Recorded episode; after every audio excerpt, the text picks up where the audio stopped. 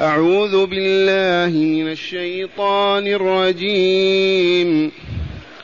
كذلك أرسلناك في أمة قد خلت من قبلها أمم لتتلو عليهم لتتلو عليهم الذي أوحينا إليك وهم يكفرون بالرحمن.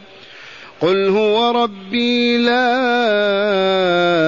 إله إلا هو عليه توكلت وإليه متاب. ولو أن قرآنا سيرت به الجبال أو قطعت به الأرض أو كلم به الموتى. بل لله الأمر جميعا. أفلم ييأس الذين آمنوا أن لو يشاء الله لهدى الناس جميعا ولا يزال الذين كفروا تصيبهم بما صنعوا قارعة أو تحل قريبا من دارهم ۖ أو تحل قريبا من دارهم حتى يأتي وعد الله.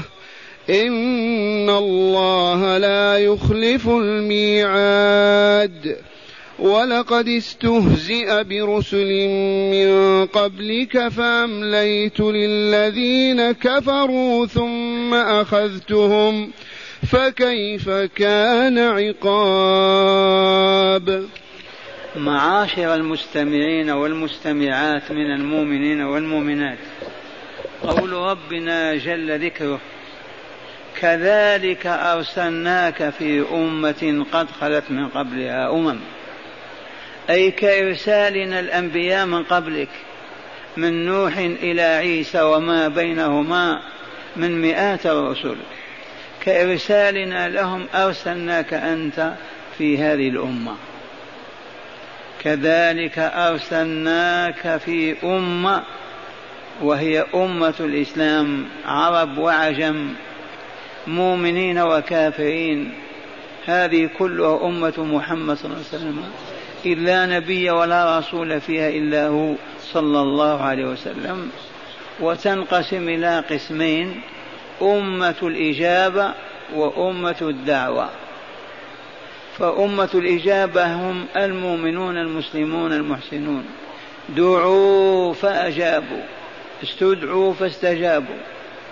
وما بقي ذلك هي أمة الدعوة. يجب أن يدعوا إلى الإسلام على طول الحياة حتى يسلموا أو يهلكوا. ومن يقوم بهذه الدعوة خلفاء محمد صلى الله عليه وسلم. وكذلك أرسلناك في أمة قد خلت من قبلها أمم. لماذا؟ قال لتتلو عليهم الذي أوحينا إليك أي لتقرأ عليهم القرآن الكريم. تلا يتلو إذا قرأ لأن الآيات متتابعة يتلو بعضها بعضا. لتتلو عليهم الذي أوحينا إليك. ما الذي أوحاه الله إليه؟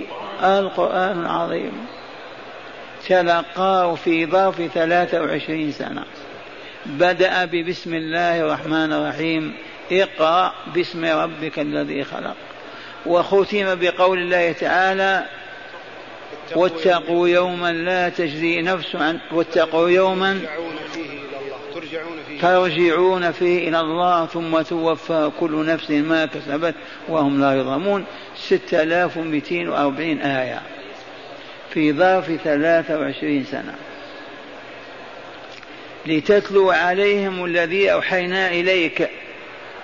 وهم يكفرون بالرحمن والحال أنهم يكفرون بالرحمن. من هو الرحمن؟ الله جل جلاله وعظم سلطانه من أسمائه الرحمن الرحيم. إذ له تعالى مائه اسم إلا اسما واحدا أي تسعة وتسعون اسما. كم لربنا من اسم؟ تسعة وتسعين اسم. والله الذي لا إله غيره. احلف بالله وقل هكذا. إذ هذا قول الرسول صلى الله عليه وسلم. هذا الذي جاء في كتابه وعلى لسان رسوله وقد تكون له أسماء ما أطلع عليها أحدا من خلقه. فالرحمن لما سمعته قريش أي كفار مكة ومن حولها قالوا ما نعترف هذا الرحمن؟ ما عندنا إلا رحمن اليمامة فقط. مسيلم الكذاب في نجد هذا يقال فيه الرحمن. قالوا نحن ما نعرف الرحمن لله نعرف الله الرحمن فلا إلا رحمن اليمامة. وإذا قيل لهم أسجدوا للرحمن قالوا وما الرحمن؟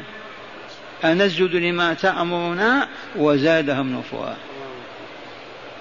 مرة ثانية الرحمن من أسماء الله عز وجل. إذ لله تسعة وتسعون اسما المشركون أنكروا على رسول الله هذا الاسم. وقالوا ما نعرف. عنادا ومكابرة. كونكم ما تعرفون فيما مضى. اعرفوا الآن فيما حل بكم ونزل بدياركم. ولكن العناد والمكابرة والمجاحدة للإبقاء على شركهم وباطلهم. ذي سنة الله عز وجل في الناس. وهم يكفرون بالرحمن. ثم قال تعالى لرسوله صلى الله عليه وسلم قل يا رسولنا قل هو ربي لا إله إلا هو عليه توكلت وإليه متاب. قل لهم ما داموا يكفرون به قل أنت لهم هو ربي خالقي ورازقي ومالك أمري وخالق كل شيء وملك كل شيء. لا إله إلا هو أي لا معبود. يستحق العبادة بحق إلا هو. والله العظيم. لا يستحق العبادة إلا الله. فلهذا قل لا إله إلا الله واحلف بالله ولا تحنث والله الذي لا إله غيره إنه لا إله إلا الله. لأن المألوه هو المعبود. والمعبود إن كان بباطل فهو من آلهة الكذابين والمبطلين. وإن كان معبود بحق فهو الله. إذا العبادة لا تعطى ولا تصرف إلا للذي خلقني وخلق الحياة من أجلي ورزقني وهو يرعاني طول حياتي. هذا الذي أركع بين يديه وأسجد. هذا الذي أتملقه بأسمائه وأدعوه بها. هذا الذي أحب ما يحب وأكره ما يكره. هذا الذي خلقني ورزقني هو إله الحق. أما اللات والعزى ومناة الثالثة الأخرى أما عيسى أما البتول أما مريم أما كذا وكذا هل خلقوا شيئا؟ فكيف يعبدون؟ فلهذا لما أنكر الرحمن قال تعالى لرسوله قل لهم هو أي الرحمن ربي. أي خالق ومالك أمري لا إله إلا هو. وهذا معنى لا إله إلا الله. لا إله إلا الله. لو أن شخصا يقول أنا أقول لا إله إلا الله ويعبد غير الله هل تقبل منه هذه الكلمة؟ يثاب عليها يصبح دجالا وكذابا ومنافقا. أنت تقول لا إله عن علم وإلا عن جهل. فإذا كان عن علم وعرف أنه لا معبود إلا الله والله ما يستطيع أن يعبد غير الله. وما يقدم أبدا عبادة لغير الله. وإن كان عن جهل يجب أن يتعلم. فاعلم أنه لا إله إلا الله. كيف نعلم أنه لا إله إلا الله؟ دلونا يرحمكم الله. كيف نعلم أنه لا إله إلا الله؟ نعلم أنه لا الله ما بلغنا أن هناك خالقا مع الله. لا خلق حيوان ولا إنسان. لا خلق قطرة ماء ولا هبة ريح. لا خلق السماء ولا الأرض. أو في خالق تدلون عليه؟ لا وجود له بإجماع البشرية. إذا فالموجد لهذه هو الله هو المعبود بحق. وما عداه لن يعبد أبدا. وما عبدوا من الملائكة والأنبياء والأولياء والأشجار والأحجار. تلك العبادة باطلة باطلة باطلة. وأهلها مشركون كافرون. لأنهم كذبوا يقولون لا إله إلا الله ويعبدون آخر معه. هذا الكذب وإلا لا؟ من قال أشهد أن لا إله إلا الله قالها عن علم. قال نظرت إلى الكون كله علوه وسفله من ذرته إلى مجرته. ما بلغني ولا سمعت ولا رأيت خالقا قط إلا الله. أنا أشهد إذن أنه لا إله إلا الله. دي شهادة علم وحق. فإن هو عبد مع الله تعالى غيره بأي نوع من أنواع العبادة كان كاذبا في قوله منافقا. لا يقبل منه ذلك القول بل هو مشرك. كيف يقول أنا أشهد أنه لا معبود إلا الله ويعبد معه غيره؟ ووقع المشركون في الأولين والآخرين في الجهل فدعوا غير الله وذبحوا لغير الله ونذروا لغير الله واستغاثوا بغير الله وركعوا وسجدوا لغير الله وهم لا يعلمون أن هذا يتنافى مع لا إله الا الله منافاة كاملة. كيف تقول أشهد أن لا إله إلا الله وتقول يا سيدي فلان المدد المدد؟ كيف تقول لا معبود إلا الله وتقول وحق فلان ورأس فلان تعظم فلان هذا فترفع إلى مستوى الألوهية وتقول حق فلان. من حلف بغير الله فقد أشرك. هكذا أخبر رسول الله صلى الله عليه وسلم. من حلف بغير الله فقد أشرك فقد كفر. فكيف بالذين يركعون للقبور ويسجدون لها ويزحفون على ركبهم إليها؟ فكيف بالذين يركعون ويسجدون للملوك الحكام ويطعطعون رؤوسهم؟ لا يحل هذا أبدا. ارفع راسك. أنت لا تركع ولا تنحني إلا للحي القيوم. رب السماوات والأرض. وأدعية يا سيدي فلان الغوث المدد نحن كذا في حماك اسأل لنا أعطنا كذا. كل هذا يتنافى تمام المنافاة مع حقيقة لا إله إلا الله. فهذا الله يقول لرسوله قل لهم هو الله ربي لا إله إلا هو عليه لا على سواه توكلت أي اعتمدت وفوضت أمري إليه. لا أعرف أحدا أتوكل عليه أبدا وأفوض أمري إليه. وحده عليه توكلت وإليه متابي ورجوعي وتوبتي في الحياة والممات. لا أرجع إلى سواه ليس لي من متاب إلا الله. هذه الجملة تقرر معنى لا إله إلا الله. عليه توكلت وإليه متابي أي رجوعي وتوبتي.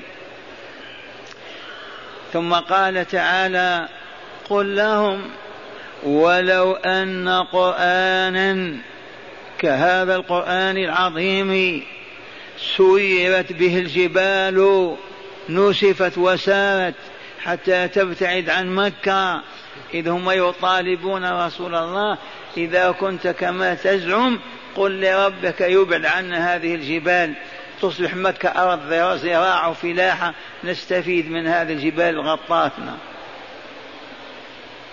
ولو أن قرآنا سيرت به الجبال أو قطعت بالأرض قطعة قطعة بحور وأنهار وجبال أو كلم, أو كلم به الموتى فيكلم الميت فيتكلم لكان هذا القرآن. ولو أن فرضنا أن قرآنا سيرت بجبال ونسفت ومشت كذا أو قطعت به الأرض وتمزقت أو كلم به الموتى فتكلموا لكان هذا القرآن. ولكن الله أبى ذلك. ما يريد أن يزول جبال مكة ولا أن يحيي الموتى لهم بعد يوم قبل يوم القيامة. ولكن في هذا بيان عظمة هذا القرآن وجلاله وكماله. وتأمل ولو أن قرآنا سيرت به الجبال أو قطعت به الأرض أو كلم به الموتى والله لكان هذا القرآن. في هذه الجملة رفع شأن كتاب الله وعلو مكانته وكيف لا وهو كلام الله. أوحاه إلى رسوله وحفظه في كتابه كتاب المقادير وحفظه في صدور أوليائه وفي سطورهم إلى يوم القيامة. القرآن العظيم. هذا القرآن الذي حولناه إلى الموتى. تمر من أندونيسيا إلى موريطانيا ما تجد جماعة كهذه مجتمعة على دراسة كتاب الله وبيان ما فيه من الهدى ومعرفة ما حواه من العلم والمعرفة أبدا وإنما يقرؤون على الميت. وإلى الآن ما زلنا كذلك إلا من رحم ربي كم حلقة في العالم كهذه يجتمعون على كتاب الله ولم يأت حلقة في الشرق والغرب. وذلكم لأن اليهود والنصارى والمجوس أعداء الإسلام علموا علما يقينيا أن القرآن روح ولا حياة بدونه قالوا ماذا نصنع؟ نصرف المؤمنين والمسلمين عن القرآن. أما أن ننتزعه من صدورهم مستحيل. أما أن نقتل حافظيه مستحيل. ماذا نصنع؟ من اليسر والسهولة أن نقول لهم لا تفسروا القرآن. تفسير القرآن صواب خطأ وخطأ كفر فكمموا المسلمين فلا يستطيع رجل أو ما يقول قال الله أبدا. إذا فماذا يصنعون بالقرآن؟ يقرؤونه على الموتى. لا أقل ولا أكثر. لو كانوا يجتمعون اجتماعنا هذا يبقى بينهم جاهل بالله؟ يبقى فيهم من يخ... يضطرب قلبه يخاف غير الله عز وجل؟ ولو أن قرآنا سيت به الجبال أو قطعت به الأرض أو كلم به الموتى وجواب لو لكان هذا القرآن. ومع هذا ما آمنوا به ولا أقبلوا عليه بل انتقدوا وطعنوا بل وصرفوا الناس عن سماعه وقالوا لا تسمعوا لهذا القرآن والغوا فيه لعلكم تغلبون. إذا سمعتم القارئ يقرأ القرآن صيحوا أنتم وضجوا بكلام كذا وكذا حتى لا يسمع. صدر بهذا قرار حكومي في مكة على يد أبي سفيان رضي الله عنه. قالوا عقيدة البلاد تخلخلت. تداخل هذا من طريق هذا القرآن إذا لا تسمعوا وامنعوا من سماعه. منعا رسميا. ولكن يأبى الله إلا أن يسمعوا. ثم قال تعالى بل لله الأمر جميعا. يحيي ويميت يعطي ويمنع يهدي ويضل يفعل ما يشاء وهو الحكيم العليم. الأمر له جميعا. ثم قال تعالى افلم ييأس الذين امنوا ان لو يشاء الله لهدى الناس جميعا. عندنا يئس يأس من الشيء إذا علم أنه لا يقع ولا يقوم به. ولكن يئس بمعنى علم لغة من لغات العرب أوزاع. لأن القرآن نزل بسبعة أحرف. جميع لغات العرب تجدها في القرآن. يئس هنا بمعنى علم. قال تعالى أفلم ييأس الذين آمنوا أو أن يعلم الذين آمنوا أن لو يشاء الله لهدى الناس جميعا أبيضهم وأسودهم. ولكن يدخل في رحمة من نشاء يهدي ويضل بالحكمة العالية الإلهية. فلا تحزنوا أيها المسلمون ولا تكربوا واعلموا أنه لو يشاء الله لهدى الناس جميعا. ولكن كونهم يعاندون ويكابرون من أراد الله هلاكه على الكفر فهو مع الكافرين في جهنم. ومن أراد الله هداية سوف يهتدي ويتوب. وكذلك حصل. قال وشاهد هذا اليأس بمعنى العلم. قول الشاعر أقول لهم بالشعب إذ يأسرونني. ألم تيأسوا أني ابن فارس زهدمي؟ ألم تعلموا أني ابن فارس زهدمي وزهدم كجعفر إنسان؟ والشاهد عندنا في قول الله تعالى أفلم ييأسوا؟ نعم. أفلم ييأس الذين آمنوا؟ ليس بمعنى يقنط بل بمعنى يعلم أن لو يشاء الله لهدى الناس جميعا. ثم قال تعالى ولا يزال الذين كفروا ولا يزال الذين كفروا. كفروا ماذا؟ غطوا ماذا؟ جحدوا ماذا؟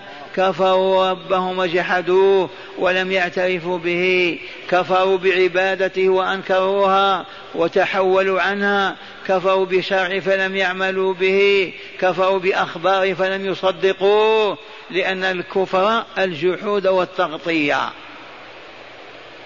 وعندكم كفاره السيارة. كفر السيارة يغطي ذاك الذي في وسطه. اذا أفلا نعم ماذا قال تعالى ولا يزال الذين كفروا تصيبهم بما صنعوا قارئا أو تحل قريبا من دارهم حتى يأتي وعد الله. هذا الخبر عظيم وإلا لا؟ بيان رسمي وإلا لا؟ ملكي وإلا لا؟ رباني؟ اسمع اسمع هذا الخبر العظيم. ولا يزال الذين كفروا بالله ورسوله بالله ولقائه بالله وكتابه لا يزالون تصيبهم بما صنعوا, بما صنعوا قارعة أو تحل قريبا من دارهم. القارعة المفزعة المصيبة المهولة المهلكة الممزقة المشتتة والجمع قوارع. والقارعة ما القارعة؟ تصيبهم قارعة بسبب ماذا؟ بما صنعوا أي بصنعهم الآثام والجرائم والموبقات والكفر والظلم والخبث والشر والفساد. وسبحان الله هذا القرن ما كمل القرن العشرين وإلا لا؟ أصابت البشرية حرب في القرن هذا في الرابع عشر منه. حرب دمرت أوروبا وغيرها وأذاقهم الله بلاء ما عرفوه ما جاءت التسعة وثلاثين والأربعين كانت تلك الحرب المفزعة دمرت أوروبا تدميرا كاملا. وهذا ما كمل القرن بعد. في صاعقتان وإلا لا والثالثة على مقربة لا ندري غدا أو بعد غد. والخبر هكذا.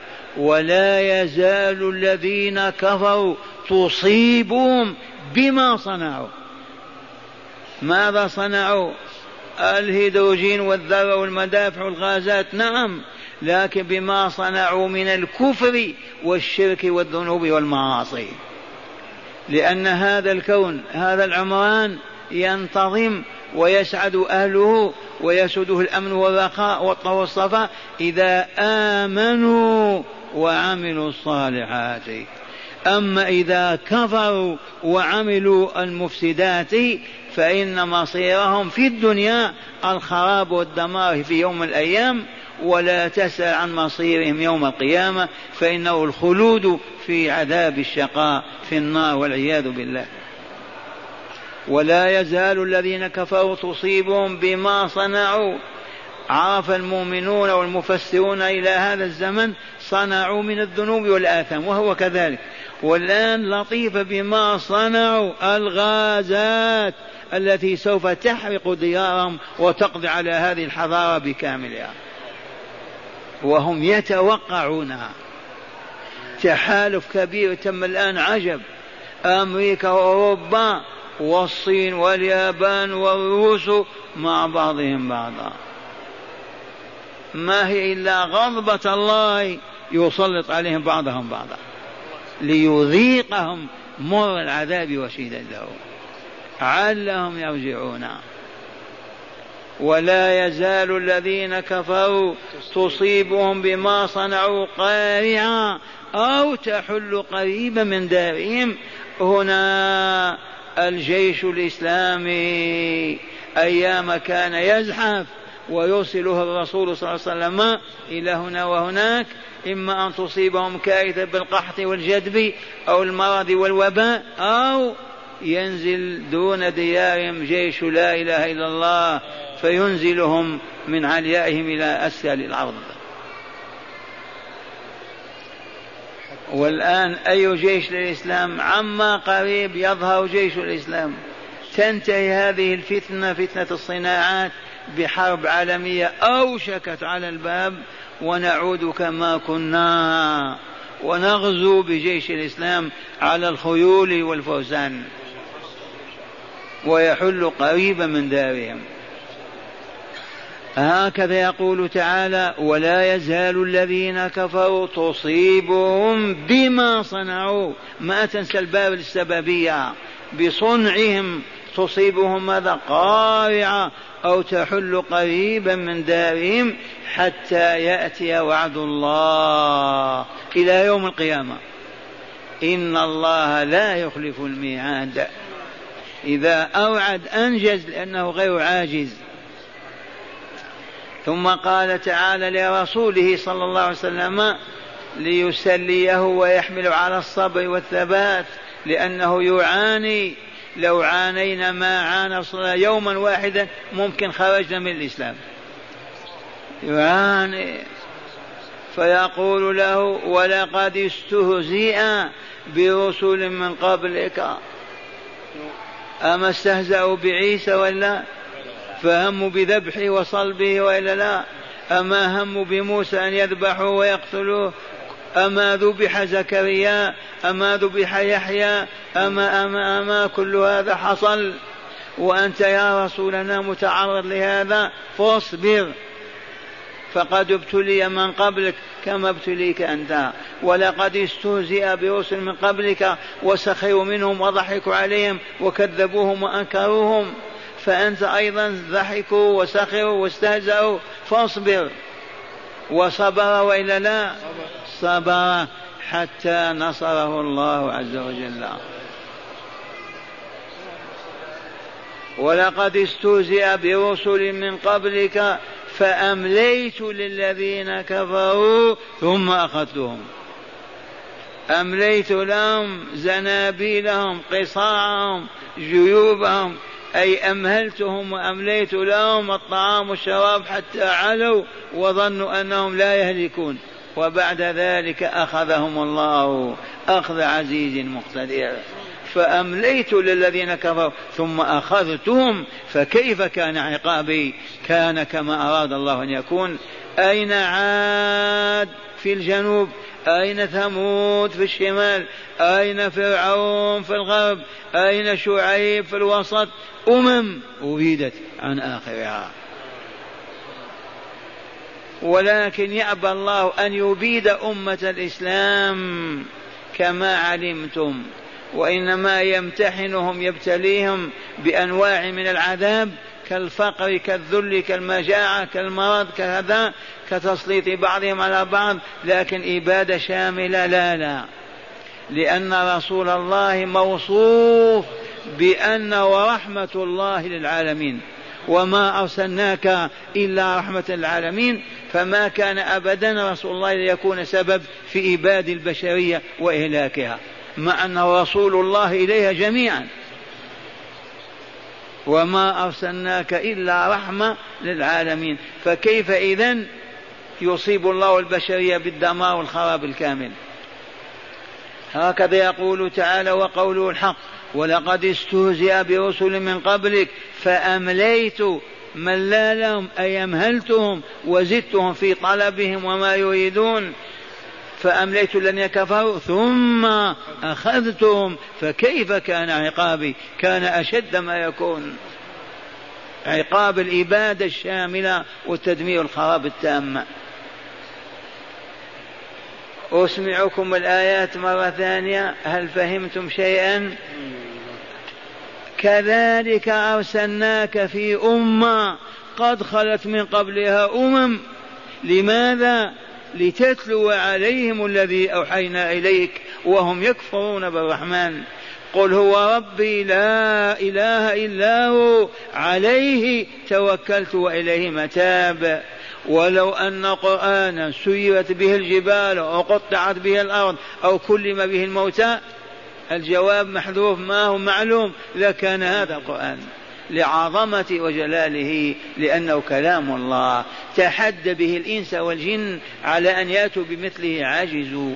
تحدى العرب بصورة عجزوا بعشرة عجزوا. هذا القرآن آل عجب قالت الجن إنا سمعنا قرآنا عجبا يهدي إلى الرشد فآمنا به. بل لله الأمر جميعا. يفعل ما يشاء ويحكم ما يريد. يعز ويذل يعطي ويمنع يرفع ويضع فارجعوا إليه ومدوا أكفكم إليه وأذعنوا واخضعوا وذلوا له فإن الأمر بيده. ثم قال تعالى أفلم ييأس الذين آمنوا؟ قلنا ييأس هنا بمعنى يعلم, يعلم. أفلم ييأس الذين آمنوا؟ أن لو يشاء الله لهدى الناس جميعا. أي والله العظيم. يجب أن نعلم هذا. لو أراد الله أن يهدي البشرية كلها لهداهم ولا يزال الذين كفروا. عرفتم معنى كفروا وإلا لا؟ كذبوا وجحدوا. كذبوا بعبادة الله وحده. جحدوا كتابه جحدوا رسوله. أنكروا البعث الآخر والحياة الثانية. هؤلاء الذين كفروا لا تزال تصيبهم بما صنعوا بصنعهم. الإجرام والشر والفساد وبصنعهم أيضا الآن هذه الغازات الأخيرة. آخر ما يملكونها قارعة أو تحل قريبا من دارهم إلى متى؟ حتى يأتي وعد الله وهو قيام القيامة. إن وعد الله إن الله لا يخلف الميعاد.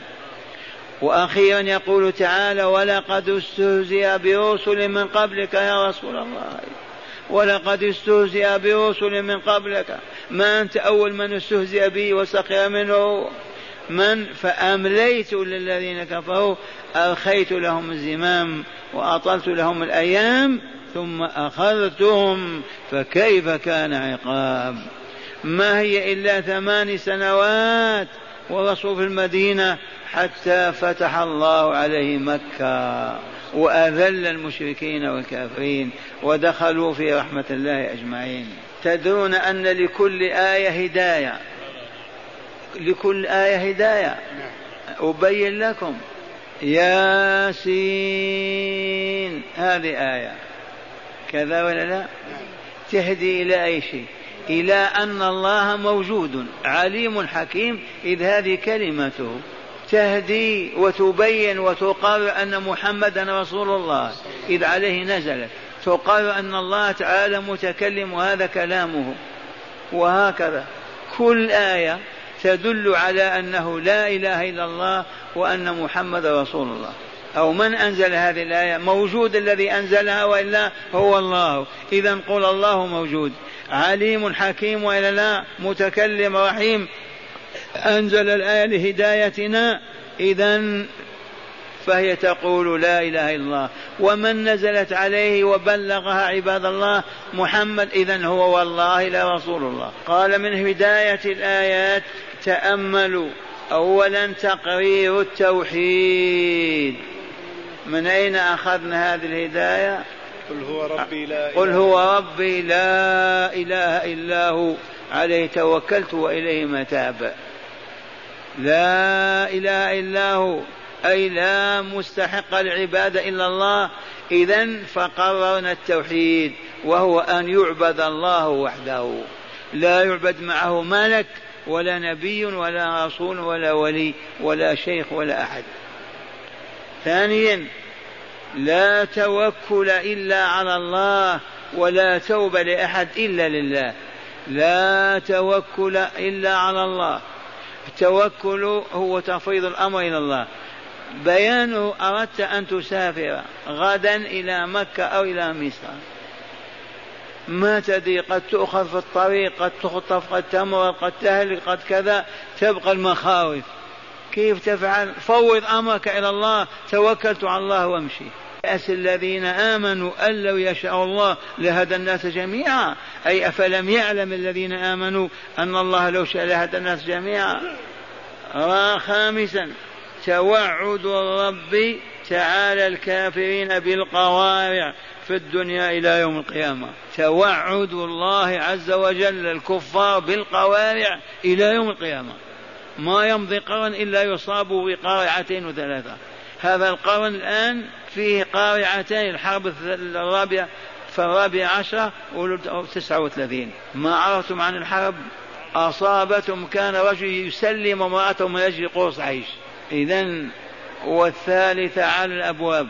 الآن ثلاثين ستين سنة وسبعين فلهذا الغرب يتوقع الحرب العالمية وأسبابها متوفرة. وإنما فقط ما أذن الله. انتبهتم وفيه آيات وأحاديث تشير إلى هذا. الآن هذا التكتل العجيب. الآن روسيا مع الصين واليابان اتحدوا اتحادا كاملا لأنهم كافرون مشركون لا يؤمن بالله ولا بلقائه. وأمريكا وأوروبا والعرب مؤمنون بالله فهم كتلة. تبهتم ومتى يأمر الله بالدمار؟ فقد تتفجر قذيفة واحدة يحترق العالم. ونعود كما كنا. الذين يعيشوا بعد ذلك. أخبر بهذا رسول الله صلى الله عليه وسلم. إذا توعد الرب تعالى الكافرين بالقوارع في الدنيا إلى يوم القيامة. بالقوارع لأنهم كفر. خامسا سادسا الله جل جلاله يملي ويمهل ولكن لا يهمل بل يواخذ يملي ويمهل ولكن لا يهمل ويترك ابدا. بل لما تدق الساعة التي قدرها تقع الكارثه والعياذ بالله. فالله تعالى نسأل أن يحفظ المسلمين وأن يقيهم شر هذه الفتن. إنه ولي المؤمنين ومتولي الصالحين.